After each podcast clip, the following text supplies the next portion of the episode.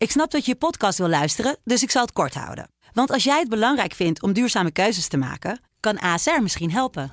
Nou hoor ik je denken, hoe dan?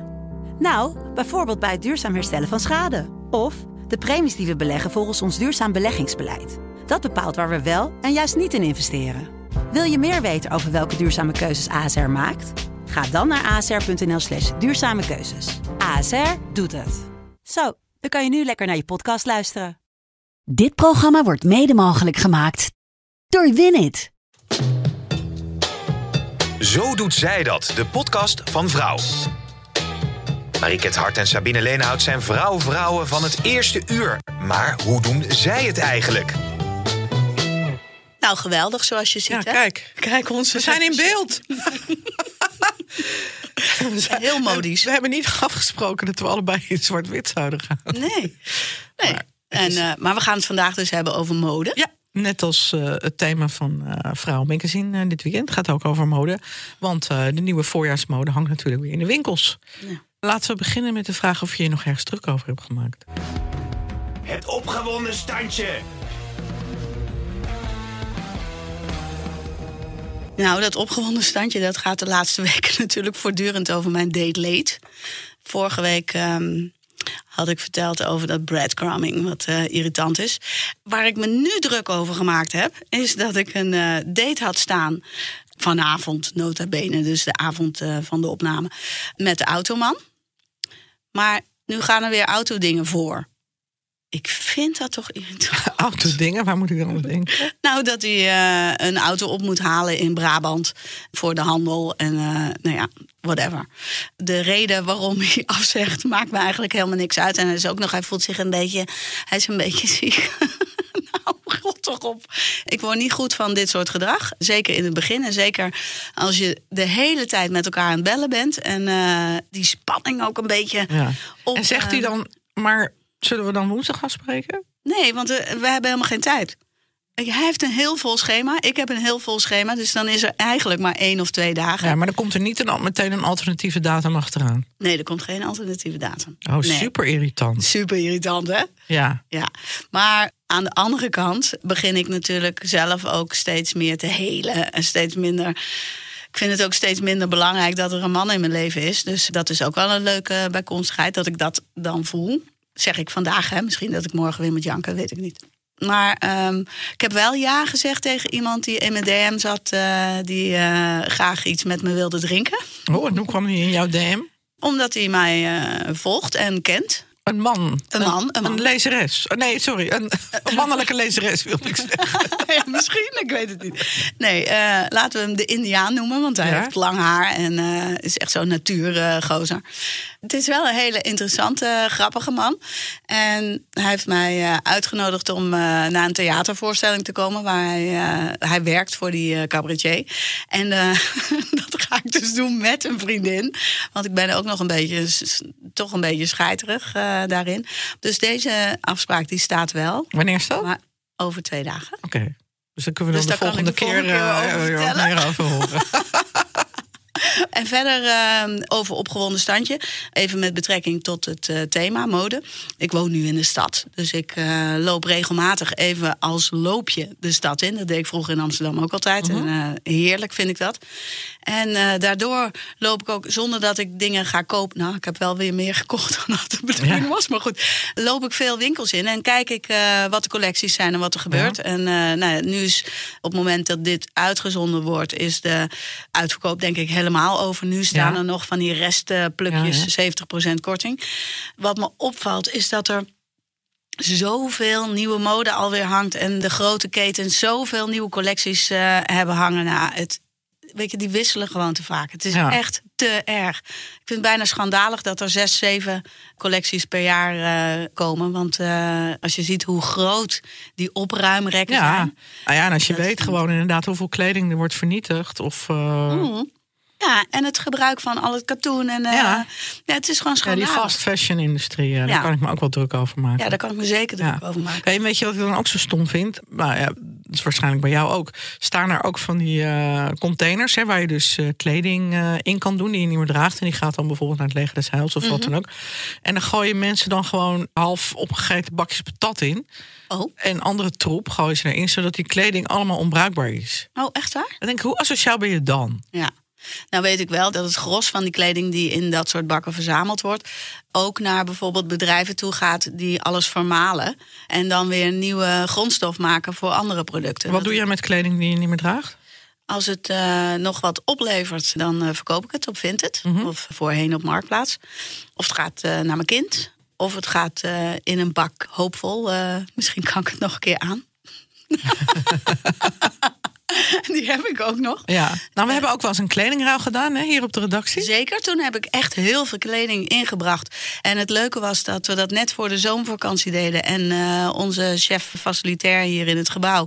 die eh, is van Marokkaanse afkomst... en eh, heeft vervolgens al die kleding en ook zulke hakken hè, van mij... die zaten daar ook bij, meegenomen naar Marokko... en daar in zijn dorp verdeeld. Ja. Dus daar lopen nu super hippe mensen... Ja. in Tessa koopsjurkjes en zo. Nou, mijn, huishouden, mijn huishoudelijke hulp komt uit eh, Egypte. Ja, die eh, is ook altijd blij met kleding. Of die neemt ze mee, of ze gaan per boot naar Egypte, ook naar haar dorp. Eh, en ze zegt, ja, daar maak je gewoon heel veel mensen blij mee. Mhm. En ik heb ook een vriendin die organiseert dus ook twee keer per jaar... in het voorjaar en het najaar een kledingruil. En dan gaat de rest eh, wat overblijft gaat naar de voedselbank. Oh, oké. Ja, dat is ook heel goed. Dus ik probeer daar wel over na te denken. En ook, ik koop dus eigenlijk bijna niet meer in ketens als H&M of eh, wat dan ook. Ik koop toch wat kleding die wat langer meegaat Mhm. dan één seizoen. Ja. En wat ik doe is, ik heb dan merken waar ik fan van ben, zoals L'Adresse of zo. Mhm. Of eh, Mart Visser, die we straks ook gaan horen. Ja. Of Studio Andalous of wat dan ook. Ik volg die allemaal op Instagram, die merken. En die, die hebben regelmatig sample sales. Ja. Fabienne Chapeau doet dat ook. En dan ga ik naar die sample sales. Dat pak wat ik nu aan heb, komt ook van de laatste sample sale van L'Adresse. Ja. Dat is dan in het Fashion Center in Amsterdam. Ja. Ja, en die kleding gaat dus ook met heel veel korting eh, gaat die weg. Want ik vind dat normaal best wel heel duur. Ja. Als je dat gewoon nieuw koopt. Ja. Maar ja, als je dus zo'n pak, kun je dus ook gewoon met 50 inderdaad tot 70 procent korting koop je daar dan. Ja. Het is gewoon één groot kippenhang. Nou ja, wij zijn ook wel samen geweest met, eh, met allemaal graaiende vrouwen. Ja. En je hebt niet echt paskamers, dus je staat daar gewoon een beetje achter in de zaal. eh, Ja.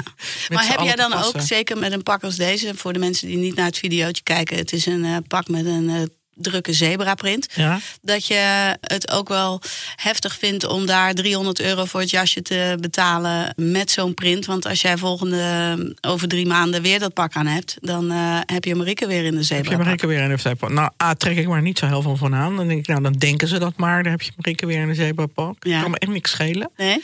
Nee, echt helemaal niks. En eh, eh, het leuke van zo'n pak is dat je het ook los kan dragen. Dus je kan de broek dragen met een zwart jasje. Of het jasje met een, met een zwarte broek. Of een Ja, witte ja. broek of wat dan ook. Ja, maar je vindt het dan wel, ook al zou je er 300 voor moeten betalen, dan koop je het ook.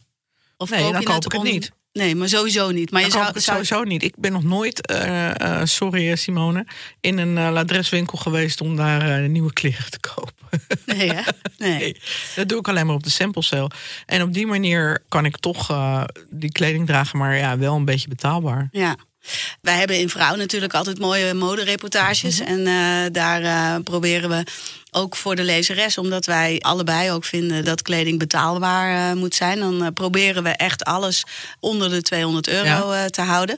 Dus in principe kunnen we geen ladres eh, daarin laten zien. Maar soms zou je dan wel kunnen zeggen, we laten het wel zien, want dat inspireert je. En dan wacht je even tot de sample sale. Dat weet. zou je kunnen doen, maar wat ik wel zie is als wij veel dure kleren in een modeproductie laten zien, dat we dan altijd wel ingezonden brieven of mails of DM's krijgen van lezeressen die er niet blij mee zijn. Nee. En je hebt natuurlijk ook eh, kleding bij L'Adres, bijvoorbeeld een blouse of een legging of wat dan ook, die wel betaalbaar is. Ja. Dus dat zullen we eerder laten zien. Alleen in Vrouw Glossy laten we wel wat duurdere kleren zien. Ja. Wat meer luxe, maar in een gewone vrouw proberen we het echt zo laagdrempelig mogelijk eh, te Ja. houden. Dat het gewoon ja, betaalbaar is, want het leven is al duur genoeg. Ja, precies. Ja, wat ik ook leuk vind aan L'Adres, en dan stop ik met reclame maken, is dat, dat ze kleding hebben van klein tot groot. Ik heb zelf een maat 42, heb ik al jaren. Mhm. Nou, daarmee schijn ik tot de gemiddelde van Nederland te behoren. De gemiddelde Nederlandse vrouw heeft maat 42. Toch vind ik dat als ik in veel, vooral in de hippe boutiques, dan hangt maat 42 of maat XL, hangt echt bij de allergrootste maten. Mhm. En dat vind ik wel stom. Dat ik denk, als maat 42 de gemiddelde maat is, dan zou je eigenlijk in dat soort boutiquejes kleding van maat 36 tot maat 46 moeten hebben. En niet maat 36 tot maat 42. Ja. Maar ja, het blijft een feit dat eh, de meeste mode vanaf een bepaalde maat ontworpen wordt. En dat hoekje met die grote maten, dat is toch over het algemeen andere kleding eh, dan het hoekje met de kleinere maten. Want het zegt bijvoorbeeld eh, ontwerper Janice, die ik wel eens voor modenummers geïnterviewd heb, die propageert, ja, je, je zou eigenlijk niet zo naar de maten moeten kijken. Je moet gewoon kijken hoe het past. En eh, ja, in sommige gevallen draag je wel een 44 of juist eh, een eh, maat 40. Eh, je moet gewoon kijken hoe het op jouw lichaam Ja, dat is ook de reden dat ik bijna niet meer online kleding koop. Omdat je dan toch niet goed weet hoe. Tenzij je echt precies weet wat jouw maat is. mhm. Bijvoorbeeld, ik koop veel van Marlies Dekkers. Ja, Nou, ik weet precies hoe dat zit. Dus Ja, dat kan ik ongezien, ja, dat Ja. kan ik ongezien kopen. ja. Maar wat ik wilde zeggen over Janice, dat eh, ehm, veel van de kleding die ontworpen wordt, op een bepaald frame ontworpen wordt. Dus zeg op maat 36, 38. En dat dat dus kleren zijn voor mensen met dat figuur. En dat mensen met eh 42, 44, 46. Het is niet de bedoeling dat zij van die slanke kleertjes dragen. En niet dat ze dat niet mogen of zo, maar daar zijn ze niet op ontworpen. Dus dat ziet er gewoon heel Ja. anders uit op eh, dat lichaamstype. En eh, dat er dus voor die verschillende maten verschillend ontworpen wordt, doet hij ook. Dat kan. Alleen, waarom zou je dan als boutique stoppen bij maat 42? Wat gewoon echt heel vaak gebeurt. Ja. Daar zijn we natuurlijk in het Nederlandse eh modestraatbeeld. Naast de H&M en de Zara en de Mango en eh, nou, dat soort eh, winkels... heb je natuurlijk ook Nederlandse bedrijven. En daar zijn er nu ook al een heel aantal van... die zich richten op die grotere vrouwen. Ja. Van Nora, Espresso. Dat is ook zo. Joek en Tessa, Ja. jouw vriendin Tessa Koops, die heeft natuurlijk ook grotere maten. ja. Alleen, nou, we gaan zo meteen Edith Dome bellen. Die kan er ongetwijfeld meer over zeggen. Want die richt er ook heel erg op die in-betweenies. Dus zeg maar maat 42, 44, 46. Dus niet echt dun en ook niet echt dik. Maar gewoon eh, de gemiddelde maat. Ik weet dat gewoon meer vrouwen... Ik heb ook vriendinnen die niet in die maat 42 passen... maar die inderdaad een maat 44, 46 hebben. Die zich daar dan aan ergeren. Die zoiets hebben van... ja, maar ik wil ook niet van die tenten dragen. Maar dat hoeft toch ook helemaal niet? Nou, wel. Ik ben zelf ook wel eens in zo'n grote matenwinkel geweest... waar ik dan het kleinste maatje heb, wat dan leuk is. Maar dat je echt denkt van... ik vind het juist leuk om een beetje strakke kleding te dragen... en niet alleen maar dat het allemaal heel wijd in een A-vorm moet zijn... want dat verhult zo lekker. Ja, maar ik zie veel vrouwen die een eh, die wat grotere maat hebben, die willen er toch graag voordeliger uitzien. Mhm. Dat zie je heel veel. Als ik dan mijn eigen moeder, die eh, het is heel lang, hè, 1,78 en eh, die draagt wel maat 44, 46, denk ik. Maar die pakt dus ook altijd die maten. Alleen die maten, dat zit haar een beetje aan de strakke kant. Dus dat tekent aan alle kanten. Waardoor je er dikker uitziet dan dat je bent, Ja, vind ik. ja. Dus zij zou echt een voorbeeld zijn van iemand die zonder dat ze naar de maten kijkt, kleding moet pakken en Ja. kritisch in de spiegel moet kijken. Want dat zie ik nu.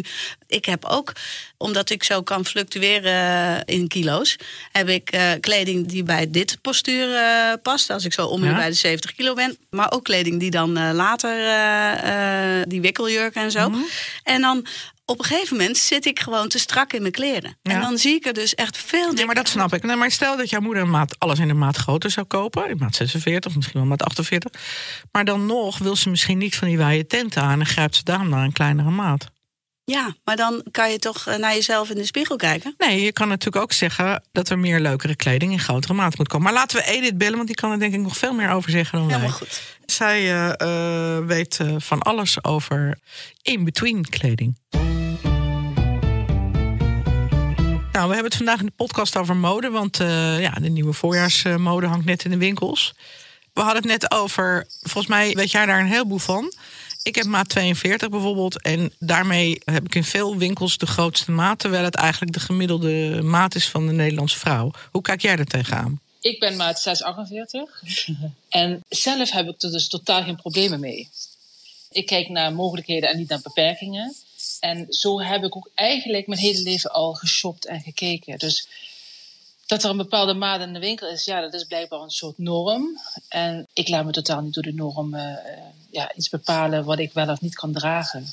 En natuurlijk heb ik jaren gestreden om te zeggen van... hé, hey, er moeten meer grote winkel, uh, maten in winkels komen, ga zo maar door. Want ik gun elke vrouw de beleving om te gaan lekker gaan shoppen en passen.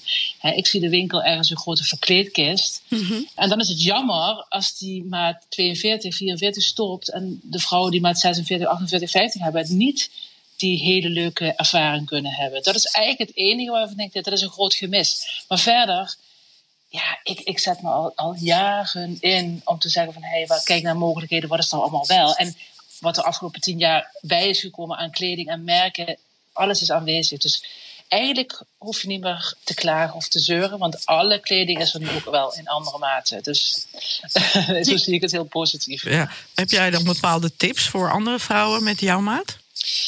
Nou, niet alleen voor in mijn maat. Ik heb een tip voor, eigenlijk voor alle vrouwen van... Hey, als jij weet wie je bent, technisch van buiten... welke shape je hebt, welke kleuren je staan... maar ook jezelf kent van binnen. Hè?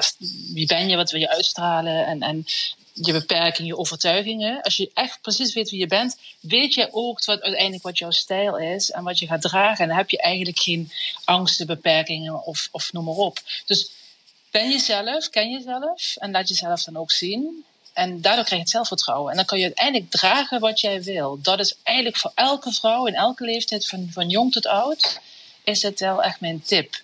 Het liefst je zo jong mogelijk erachter komen wie jij bent en wat jij leuk vindt en waar je van houdt en wat jouw stijl is.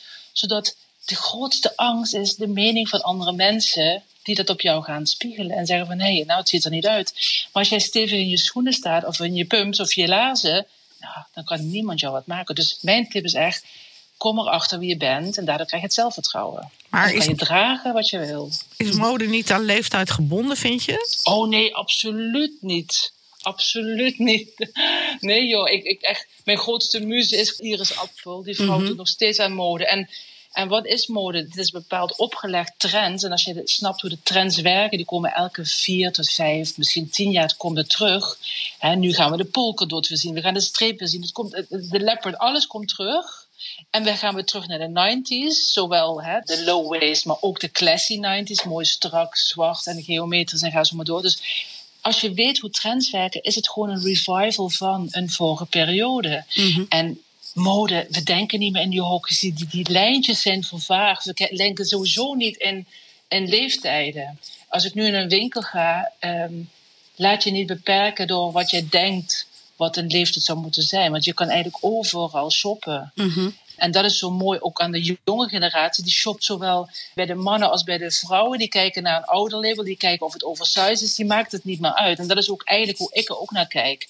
Ik heb een soort kinderlijk enthousiasme. En zo kijk ik ook naar fashion. Ja. En trends, ja, ook daarin moet je kijken, wie ben ik? Wat vind ik mooi? En wat zou ik dragen? Als jij nooit kleur draagt en één keer dat je denkt, oh, ik moet naar kleur, dan is het helemaal niet aan jou. Mhm. En dan is de vraag, zou je het willen? Dan krijg je natuurlijk een hele andere benadering van, hey, als je altijd van het grijze, zwart-witte naar kleur wil gaan, wat zijn dan de mooie stappen om daar naartoe te komen? Ja, want wat zijn die dan? Toevallig had ik ook een vriendin die dat zei. Ik draag alleen maar grijs, wit, zwart. Ja, dan kun je ook eerst de vraag stellen: waarom kies je alleen voor die kleuren? Dus er zit misschien een stukje van: ik wil niet opvallen, ik wil gewoon ongemerkt zijn. Dat kan erachter zitten. Maar het kan ook zeggen onwetendheid, dat je denkt van hé, hey, ik weet niet hoe ik nou kleur kan integreren in dit palet. En fantastisch, en als je het bijvoorbeeld hebt, hè, een paar jaar geleden hadden we heel erg dat fluor-accent kleur. Ja, als je denkt aan een bepaalde leeftijd, je denkt dat kan niet meer, juist wel. Als je het combineert met bijvoorbeeld grijs, waardoor je hem afzwakt, waardoor die heel rijk wordt mhm. en volwassen eigenlijk. En zo kan je heel langzaam kleur gaan integreren. Dus je kan eigenlijk bij dat grijs, kan je heel mooi al een zacht roze. Of je kan er een beetje een, een, blauw bij gaan combineren. Dus heel zacht gaan combineren. En dat kan je leiden eigenlijk tot een, een stap richting wat meer kleur. Dus je kan eigenlijk in je, ja, je basis, hè, wat je al hebt, kan je dat kleine stapjes gaan doen. Want je gaat ook niet ongetraind de marathon rennen. Dus je gaat niet in één keer van grijs naar knauw zuurstok Nee, nee, nee. Hè? Dat moet je er gaan wennen. Je moet het gaan, elke dag eigenlijk een beetje gaan oefenen. En mijn pad draag het eerst in huis, zodat je het eigen maakt. Dus je denkt, hé, hey, ik voel me inderdaad lekker in dat kleurtje. Ik ga me daar dat, dat voel ik me heel goed in. En dan stel je ook de vraag: welke kleuren vind ik dan wel heel mooi en zou ik willen gaan dragen? Mhm. ja. En dat is natuurlijk ook heel interessant. Ja. Hey Edith, um, volgens mij is uh, de hele psychologie uh, achter uh, je leuk kleden in jouw benadering belangrijk. Dat je goed weet wie je zelf bent en ja. wat je uit wil dragen. Nou weet ik toevallig uit eerste hand dat jij uh, ook jonge ja. stylistes uh, opleidt. Ja, klopt. Uh, want mijn dochter die heeft les van Edith. Ja. Hoe bereid jij die, die jonge generatie eh, eigenlijk voor op dat contact met die eventuele klant die ze moeten stylen? Nou, ik pleit eigenlijk voor personal styling 2.0. Mm -hmm. En dat betekent door gaan vragen van wat er gezegd wordt. En tussen de regeltjes doorluisteren wat wordt er eigenlijk inderdaad gezegd. Ik noem het ook wel fashion NLP. Dus eigenlijk, hè, ik, ik weet dat jullie niet heel erg fan zijn van het stukje NLP, maar dat is voor mij een hele mooie doorvraging van wat zit er nou eigenlijk achter. Dus als iemand mm-hmm. zegt, oh nee, printjes, oh nee, dat is niks voor mij. Dat kan zijn dat jij vroeger printjes moest dragen, bijvoorbeeld, een overtuiging. Of dat iemand zegt, oh nee, ik ben al zoveel en dan heb ik ook nog printjes. Wie heeft jou ooit dat gezegd? Mm-hmm. Um, ik draag geen zwart, want dan, hè, weet je wel. Dus er zitten heel veel dingen achter Terwijl ze het eigenlijk misschien wel mooi vinden. En ik ben er ook achter gekomen door onderzoek dat vooral de angst om iets te dragen is groter dan eigenlijk het, uh, het dus iets niet durven dragen, vind ik heel erg. Mm-hmm. En wat zit er dan achter naar de mening van anderen? Je eigen onzekerheid. En het is niet zozeer psychologie, maar ook wel juist dat ik denk. Kleding is niet alleen die oppervlakkigheid. Het is een heel mooi tool om je neer te zetten, hè, waar je juist het, hè, het zelfvertrouwen van kan krijgen. Maar het kan je ook onzeker maken. Dus hoe meer je naar de kern gaat en weet wie je bent, mm-hmm. zowel inderdaad welke kleur, welke figuur, maar ook van binnen van hé, hey, wat te gek, dit is eigenlijk wat ik mee heb gekregen. Als het, ik weet, spiriviri is het niet. Ik ben geen jongman in een blauw kleed die op een suppressie gaat verkondigen. Maar ik weet wel, er zijn meer karaktereigenschappen die in kleding komen. Ik kijk nu ook naar gezichtsvormen en dan kan ik eigenlijk al zien wat voor kleedgedrag jij hebt. Mm. En dat is heel interessant, want ik ben bezig met een nieuwe methodiek. Ja. En er valt alles samen. Oh, Hè? En dan heb ik het niet over archetypes. Want stel je voor, jij bent een of ander type, maar je durft het niet te zijn, heb je nog niks mm-hmm. eraan. Nee. Dus ik wil heel goed laten zien van, ik weet wat mij staat, daardoor heb ik het zelfvertrouwen. En uiteindelijk maakt het niet meer uit of je tegen die regels gaat trappen. Want Ja. je bent al zo ver. Ik integreer inderdaad vanuit gezichtsvorm en lichaamsbouw verhoudingen is heel belangrijk. Want hè, fashion is net wiskunde. Echt verhouding is heel belangrijk. Mhm. En dan gaat het er inderdaad om. Ga spelen met die elementen. En ook met kleuren. Ik maak zelfs een linkje naar. Hey, welke kleurcode heb jij? Welke elementen? Hè, dus vuur of water of metaal. Ga zo maar door. Mhm. Heb je al van nature? En dan kan je mee gaan spelen. Dus het kan je kracht zijn. Of je kan denken van... Hé, hey, ik trek iets aan waardoor ik me uh, veel meer in balans ben. En daar gaat uiteindelijk alles om, balans. Ja, ja. Symmetrie, balans brengen. Dat is ook zeg maar, het oude stukje van figuren. Hè. Uiteindelijk de vrouw vaak naar die X-shape, mits je dat wil, als je het zelfvertrouwen Mhm. wil hebben. Als je denkt van ik heb mijn body helemaal geaccepteerd, mijn lichaam, dan mag je ook juist die vorm wat je hebt, ga je dat helemaal benadrukken. Ja. Dus het is aan jou altijd de vraag, en dat is ook wat ik de stylistes wil opleiden. De vraag is eigenlijk die je stelt, ben je blij met je lijf? Wil je dat helemaal omarmen? Of zeg je van nou, het mag wat meer in balans, Mhm. compensatie. En ik wil juist het zelfvertrouwen krijgen door de juiste vorm en de kleding te dragen. Ja, ja. En dat is wat ik heel erg wil teachen. Dus ook naar de consument toe. Wie ben jij? En wauw, te gek, je komt erachter wie je inderdaad bent. Je kan jezelf zijn. Mhm. En daardoor kan jij jezelf ook laten zien. Want hoe steviger, nogmaals, steviger je in de schoenen staat, hoe beter jij ook de, de, de dingen aan kan die mensen tegen jou zeggen. En dat Ja. is eigenlijk wel. Ja, ik, dacht altijd, iedereen heeft dat toch? Ik heb echt scheid aan wat mensen van mij vinden. Ik trek aan wat ik leuk vind. Ik ben inmiddels 47 en ik trek nog steeds de dingen aan. Kleur, printjes, wat ik te gek vind. Ja. Als ik dan kijk naar mijn zusje, die is dan heel anders. Dus daarom ben ik dat ook gaan onderzoeken. Van, hey, het heeft niks te maken alleen maar met hoe jij opgevoed bent, nurture, maar wie ben je van nature? En Ja, daar ja. kijk ik dus naar. Ja. En daar zie ik dus verschil. Ik heb een heel ander gezicht, ik ben een hele andere bouw dan mijn zusje. En zij heeft andere overtuigingen en beperkingen dan dat ik dat weer heb. Ja. Terwijl we uit hetzelfde nest komen, de vrijheid hebben om te dragen, de creativiteit om te zijn. En dat is zo mooi. En dat dat ben ik echt gaan beseffen. Dat ik denk, wauw. Daarom noem ik me ook meer filosofisch. Ik kijk veel breder zonder een oordeel te hebben naar de ander. En ik ben ook iemand die zegt, mij is niks te gek. Maar ik denk altijd, wie is een ander om jouw restricties op te leggen? Wie is de ander om jou te zeggen van, nou, ik ga jouw feestje helemaal bederven. Terwijl ik denk, het is mijn stijl, mijn feestje, mijn outfit. Ja, precies. Eh, snap je? Dus ik kijk daar veel opener en veel vrijer en veel oordeellozer naar. ja, fijn. Eh, Ik ja. ben blij dat jij in ieder geval eh, een voorbeeld bent voor die hele nieuwe garde, die jonge garde. Ja, Die dadelijk mij de andere mensen aan gaan kleden. En eh, Ja, ik absoluut, word. eh, absoluut. En ook voor onze generatie. Ja, absoluut. Ja, juist. Want ik wil voor elke leeftijd zijn. Weet je, eh, ik had een event en er kwam een meisje van 13 jaar met haar moeder. En dan denk ik van te gek, ik ben er voor 13 jaar, ik ben er voor 50 jaar, ik ben er voor 80 jaar. Ja, top. Top. En ze zeggen alleen maar om vanwege mijn positiviteit. Dus ik ben echt een fashion motivator, zoals we noemen ik mezelf. Fashion motivator. Ja, Ja, goed. gewoon positief te kijken. En niet, laat je niet gek maken. Als jij inderdaad weet wat jij leuk vindt, hoef je ook niet mee te doen aan de trends. En dan maak je gewoon je eigen trends, je eigen fashion. Zo is het. En, en dan vooral veel, heel veel plezier. Super. Dankjewel voor je tijd, eh, je inzichten. Edith. Tuurlijk. Tot de volgende succes keer. met de podcast. Dankjewel. Dankjewel. Leuk. Doeg. Doei, doei. Ik vind het wel. eh, Ja, ik, dat, ik ben het ook helemaal met haar eens. Ze zegt bijvoorbeeld eh, van, eh, hè, wie zijn die andere mensen om over jou te oordelen? Laatst zei iemand tegen mij, oh, ik vind het zo stoer dat jij nog steeds mouwloze hemdjes draagt. Ja. Dan denk ik, er zit een enorm oordeel in, nog steeds. Pardon? Ja. ja, we hebben natuurlijk jaren geleden al een keer in de Glossy eh, gingen we een modereportage maken met van die vooropgelegde eh moderegels. Dat je inderdaad na een bepaalde leeftijd geen mouwloze kleding draagt, eh, je rokken niet meer te kort, niet te hoge hakken, je haren zelfs niet Ja. meer gewoon lang en los. Daar gingen wij dwars tegen in, want wij vonden dat, nou hadden we ook wel twee prachtige. Carla Rep was een van de Ja. modellen in die, dat is een visagiste die ook modellenwerk doet. Een eh, prachtige grijsharige vrouw.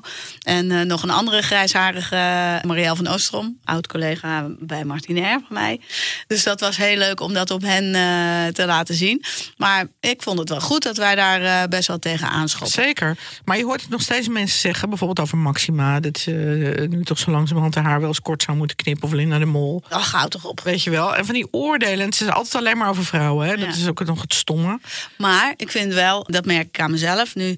Als ik in mijn bed lig en ik eh, ben op mijn telefoon aan het kijken... en die heb ik dus zo boven mijn hoofd. En dan kijk ik naar mijn armen en dan zie ik gewoon het vel van mijn onderarmen hangt. Nou, Ja, nou en? de fuck. Ja, nou, ik moet er zelf... eh, ik vind het echt afschuwelijk. Ik vind het niet fijn dat dat gebeurt. Nou ja, dan moet je gaan Ehm, eh, trainen. Ja, het is los vel. Ja, maar ook als je meer spieren hebt, dan ziet het er wel beter Dan uit. heb jij mijn spierballen wel eens gezien? Mijn omvang van mijn armen zonder vet is gewoon 45 centimeter. Ik heb zulke spierballen. Mhm. Dan word ik een soort bodybuilder. Dat ziet er niet uit. Nou, ik merk wel, het is, ik draag niet meer dezelfde kleren als 20 jaar geleden. Nee, dat wilde ik zeggen. Wacht. Want ik bepaal dus nu voor mijzelf eh, dat ik niet per se meer in tanktops hoef te Mhm. lopen. dat omdat toch- ik mijn eigen Maar armen niet gewoon zelf vind. niet. Kijk, ik droeg eh, vroeger altijd heel veel t-shirts met van die schreeuwerige teksten. Dat, dat doe ik nu ook niet meer. Fuck me, I'm famous. Bijvoorbeeld. Zijn erg, hè? Nee, dat droeg ik niet. Maar, maar wel gewoon t-shirts met printjes of t-shirts met teksten. Ja, die heb ik langzamerhand steeds meer vervangen door blouses. Ja, ja, ja. Maar Ja. niet omdat het van iemand moest, maar omdat ik dat op een gegeven moment zelf mooi ging vinden. Zij zei ook net de invloed van je moeder. Mijn moeder vond bijvoorbeeld donkerblauw altijd heel prachtig. Ja. Dus ik moest altijd heel veel donkerblauwe kleren aan. Nou ja, toen ik een jaar of 16, eh, 17 was en een beetje punk en alternatief wilde ik alleen nog maar zwart. En ik heb heel lang niks donkerblauws eh, gehad. Dat begint de laatste tijd wat komen. Als ik eh, mijn kleding eh, over de jaren in mijn fotoboeken bekijk. Mijn moeder houdt van een wat klassiekere stijl. Dus dan zie je de schoolfoto's. En dan heb ik nog een, eh, inderdaad een kilt aan. Zo'n Schots rokje. Met een donkerblauw sweater daarop. Met een wit blouseje eronder. Met van die puntkragen. Want dat is dus Ja, met jaren zeventig. En van die eh lovers, van die schoenen die daarbij Ja, ja. horen. Dat is echt de stijl van mijn moeder. En dan, naarmate ik wat ouder word... Want zij naaide ook wel mijn kleren. En op een gegeven moment mocht ik echt zelf gaan kiezen wat ze dan eh, ging naaien. Als ze het echt afschuwelijk vond, dan deed ze het niet. Maar uh, ze heeft het wel gedaan. En toen ik 14, 15 was, dus dat is 85, 86, waren ik weet niet of je nog herinnert, broeken met een vrij strakke taille, maar een hoge Ja. tailleband ook. Ja, en dan van die, eh van die pofachtige Ja, ja. broeken met korte jasjes Ja. en zo. En dat maakte zij in heel veel kleuren. Ik heb echt hele leuke. Nou, dat is wel heel fijn. Ja, Mijn moeder die was niet zo handig met de naaimachine. Ik ook niet. Maar ik had ooit een vriendje. En zijn moeder vond het heel erg jammer dat ze geen dochters had. En die maakte dan al mijn spijkerbroeken loeistrak om mijn lichaam heen. Daar was ik zo blij mee. Oh. Oké. Zo jammer dat het uitging. Ja. Oh, dat is trouwens ook dat is best een goede tip. Hè? Veel vrouwen hebben natuurlijk dikke kont en eh, toch wat smallere taille. En dan die spijkerbroeken, die zitten gewoon lelijk. Je hebt de ruimte rond je heupen en je Ja. billen heb je nodig. En dan wijkt die enorm Ja. in je taille. Nu met al dat elastan in de jeans valt het wel weer mee. Maar, eh, maar dat is wel heel vaak het geval. Eigenlijk moet je dan, je moet die broek koop je op je reet. Dus eh, dat die mooi zit op je kont. En dan ga je naar de, naar de gouden schaar. En dan laat je je band verstellen. Dat is echt een kleine moeite. Ja. Nou, dat kost je dan een tientje. Die, die broeken zijn toch al eh, aan de prijs. Nou, dat tientje maakt dan ook niet meer uit. Ja. En dan heb je dus een broek die perfect op jouw lichaam past. Want niet iedereen heeft dezelfde eh, vorm. Ja, mooie tip. Goeie tip. Nou, wie ook heel eh, leuke tips geeft, is natuurlijk eh, modeontwerper Mart Visser. Ah, En vandaag heeft hij een voice memo ingesproken voor ons. Ik ben heel benieuwd wat hij te zeggen heeft. Zo doet hij dat. Welke stijlregels gelden er voor dames boven de 50? Nou kijk, weet je, ik heb altijd één hele goed advies voor iedereen die mij vraagt van... heb je nou voor mij de ultieme tip? Koop een spiegel naast je voordeur. Dat klinkt misschien heel erg raar, maar als ik gemiddeld ochtends een beetje kijk langs het schoolhek, mensen die onderweg zijn naar hun werk, dan denk ik: jongens, alsjeblieft, er mag toch wel een greintje, lekker zelfrespect, je mooi aankleden, net even een lippenstiftje op, net even een goede sneaker eronder, die ook is schoongemaakt bijvoorbeeld, eh, een tas die er net even wat lekkerder uitziet. Het zijn al die mooie kleine styling dingen die jou toch die dag iets meer doen stralen. Dus wat is nou de ultieme tip van een vrouw? Een vrouw van boven de 50 houdt het ook verzorgd. En daar bedoel ik mee aan een beetje je nagels doen, een beetje make-up, eh, op tijd naar de kapper. Maak het verzorgend. In verzorging ligt denk ik de helft van dat wat je mooier maakt, naast de kleding. En qua kleding denk ik dat je... ehm, ja, dat is natuurlijk heel moeilijk. Ik kan niet iedereen eh, individualistisch behandelen. Maar eh, er zijn genoeg goede stijlgoeroes online. Ik probeer het heel vaak bij uh, om juist te laten zien hoe dat ik het dan zie. Weet je, de, maak een doorknoopjurk eleganter door hem verder door te knopen... en er gewoon een wit t-shirtje onder te dragen. Stroop de mouwen eens even lekker op. Maak er toch een beetje een toegankelijk split in. Nou, zo zijn er honderdduizend hele goede tips. Maar ehm, dan moet je me maar één op één even voor mailen.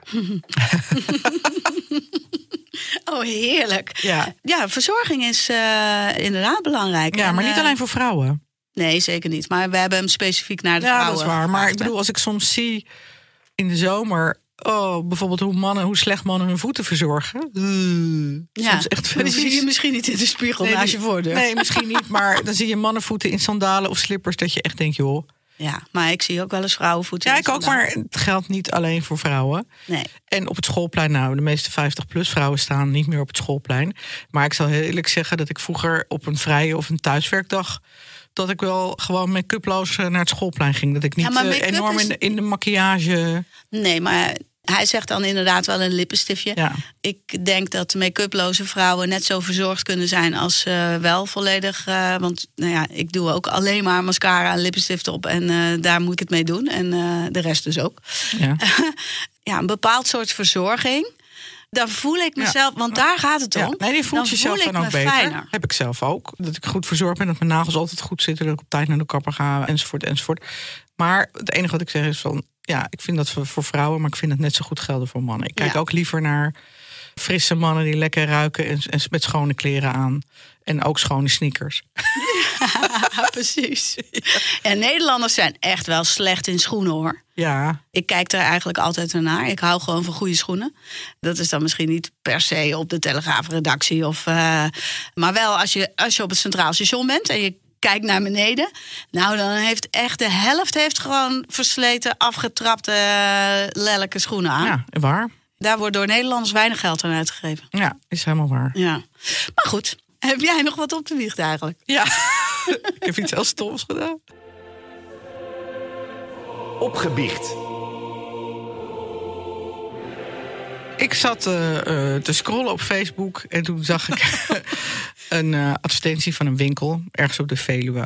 Die waren heel erg zielig. Die waren failliet. Oh, En daarom hadden ze een opheffingsuitverkoop. ja. En ze verkochten daar hele leuk uitziende truien voor de helft. Mm. Dus ik dacht, ach, wat een zielige mevrouw. Ik koop twee truien bij die winkel. Nou, toen kreeg ik dus een bevestigingsmail natuurlijk. Ik had voor 69 euro al belachelijk weinig. Twee truien. ja. Ik krijg een bevestigingsmail en vervolgens krijg ik niet een track-and-trace code... of ik hoor eigenlijk helemaal niks meer. Nee. Dus toen ging ik eh, eens eventjes eh googlen. En toen zag ik dus dat je eigenlijk bij, als je bij een onbekende winkels wat koopt, dat je naar de reviews moet kijken. Mhm. Dus toen ging ik naar de reviews van die winkel, die zogenaamde failliete winkel, kijken. En daar stond dus dat het eh, dropshipping was eh, uit China. Mhm. nou ja, dat het dus gewoon oplichters waren. Ja, grote kans dat je het nooit kreeg. Grote kans dat ik het nooit kreeg. Nou, uiteindelijk heb ik na twee weken de eerste trui gekregen en na drie weken de tweede trui. Oh, dat valt nog mee. Inderdaad, uit China. Dus niet uit een zielige winkel op de Veluwe. Nee, En je kon het ook niet terugsturen. Nee. En eh, die truien, die... Ja, die waren heel erg lelijk en synthetisch. Dus ik heb eh, eh, aan mijn hulp uit Egypte gevraagd: heb je hier nog wat aan? Dus die zei: tuurlijk, geef Goed me. Ja. Ja, erg. Ik voelde mezelf echt heel erg dom. Ja. Wat ik heel vaak doe, is ik maak een foto van die foto. Die foto die google ik. Dus je kan op Google kan je gewoon Ja, ja. afbeeldingen googlen. Nou, en als je die foto dan duizend keer terugziet... en heel vaak bij Temu en bij Ali... En, eh, nou, dan weet je genoeg. Ja. Dan, dan bestaat eh, die winkel die bestaat dan gewoon helemaal niet. Dan bestellen zij het inderdaad eh, in China. En wat dus ook heel veel gebeurt... is dat je bijvoorbeeld... ik was op een gegeven moment op zoek naar een eh, bepaald soort kimono wilde ik hebben met eh, kraanvogels erop. Nou, die foto die haalde ik door de zoek, want je kan ook in de zoekmachine Ja. van Ali kan je ook op afbeeldingen zoeken. En dan kreeg je diezelfde foto die dus op een model op Ibiza of zo eh, geschoten is. Die foto die wordt dan gebruikt door die Chinezen. En dan kost het nog steeds eh 60 euro, hè? Ja. En dan staat er een zijde kimono en dan met een kraag. Nou, toen kreeg ik dus echt een krakend materiaal. Nou, het sloeg helemaal nergens op. Hier kon je overigens wel terugsturen. Oké. Dus ik heb hem wel teruggestuurd, maar Ja. wees gewaarschuwd. Ja, wees gewaarschuwd. En Ja. kijk naar de reviews. Of Ja, Google het afbeelding of Ja, wat dan ook. Als het te mooi eh, is om waar te zijn, dan is het ook vaak niet waar. Ja. Hey, en heb je nog een kijktip voor ons? Zeker. De Zo Doet Zij Dat kijktip. Hij draait nog in de bioscoop. En ik heb even opgezocht dat hij eh, eh, tegen de tijd dat deze podcast eh, online komt, draait hij ook nog. Anyone But You. Dat is een hele simpele, romantische comedy die, waar je van begin tot het eind een leuk gevoel over hebt. Wel dat ik dacht, oh, ben ik oud? Want het zijn echt hele jonge mensen. Maar ze zijn heerlijk om naar te kijken. Nou, nou is de vrouwelijke actrice, ben ik nu de naam eh, van vergeten. Maar ik kan het even aan onze technicus Hein vragen, want die weet het. Hoe heet ze ook weer? Sydney Sweeney. Dat is, Oh, eh, zegt Hein. zegt Hein. nou ja, ze is 26, ze is prachtig. Echt, het is zo'n mooi meisje. Met een heel lief, leuk open gezicht. Maar eh, nou, ik denk dat ze 1,60 is of ze is heel klein. Maar ze heeft wel een prachtig figuur. En die mannen vallen dan op eh, dat ze een vrij prominente voorgevel heeft. Die volgens mij ook nog eh, natuurlijk is. Maar het is een heel leuk kind. En ook de mannelijke hoofdrolspeler is echt een hele leuke gast. Nou, hele blije film. Dus als je nergens over na wil denken en het gewoon eh, even gezellig wil hebben. En dan ben ik net begonnen op Netflix met Safe. Oké. En dat is een hele spannende. Is dat eh, niet van Britse- Harley Copeland weer? Eh, ja, dat zou wel eens kunnen. Weet Ja. ik niet. Een gated community eh, waarin een meisje vermist eh, raakt. En waar eigenlijk iedereen iets anders is dan dat hij in eerste instantie lijkt. Oké. Spannend. Ja. Ja, nou, ik heb ook een tip. Mhm. Betty op Videoland vanaf eh, 18 februari. Ja, Volgende week komt er een interview met Wil Koopman, de regisseur in Ja. Vrouw Magazine. ja. Dus ik vroeg aan haar, want ik heb het zelf het interview gedaan van eh, hè, waarom uh, Patty. Toen zei ze, nou, ik heb Patty een paar keer ontmoet. Ik vind dat een hele sterke vrouw. Ze is een heel paar keer heel diep gevallen en steeds weer opgekrabbeld. Zeker. En dat heeft ze allemaal zelf gedaan. En ja, ik vind haar onverwoestbaar en ik vind het super knap en een heel interessant leven. Dus de jonge Patty wordt gespeeld door Holly Brood en wat ouder door Eva van der Weideven. En ze zegt, ja, het is gewoon een heerlijke serie geworden. Dus, uh, ik heb, en geïnspireerd op Patty Braart? Helemaal, het gaat echt over het leven van Patty Braart. Oh, wauw. Ja. Oh, wat heftig. Ja. Ik heb de trailer gezien. Ja. En het ziet er echt heerlijk uit. Dus uh, die kan ik alvast aanraden. En verder heb ik nog een tip. Ons boek. Ah, ja, oh, ja, ons boek, zo doet zij dat. Het ligt op 23 april uh, bij de boekhandels. Ja. Dus dat schiet wel aardig op. En het is al te bestellen op bob.com. ja, pre-order, hè? Ja, Want je kan is- het pre-orderen. Ja, en dat hele proces, dat is leuk, Ja. hè? Dan hebben we vergaderingen met de uitgever over hoe het communicatieplan gaat lopen. Ja. En, eh, Over de boekpresentatie. Ja. En over eh, wel- welke foto er op de cover komt. En eh, al dat soort dingen. Allemaal leuk. Dus het Dus- is super leuk om mee te maken. Ja, en ehm, even voor de luisteretta. Het is niet dat het bestaande podcasts zijn die uitgeschreven zijn. Hè? Het zijn allemaal nieuwe verhalen. We hebben al die hoofdstukken. En ze hebben we gewoon een nieuwe tekst bijgeschreven. Gewoon hoe we ons op dat moment eh, daarover voelden. Of, eh, het is gewoon echt wel nieuwe info. Dus, Leuk. leuk, ja.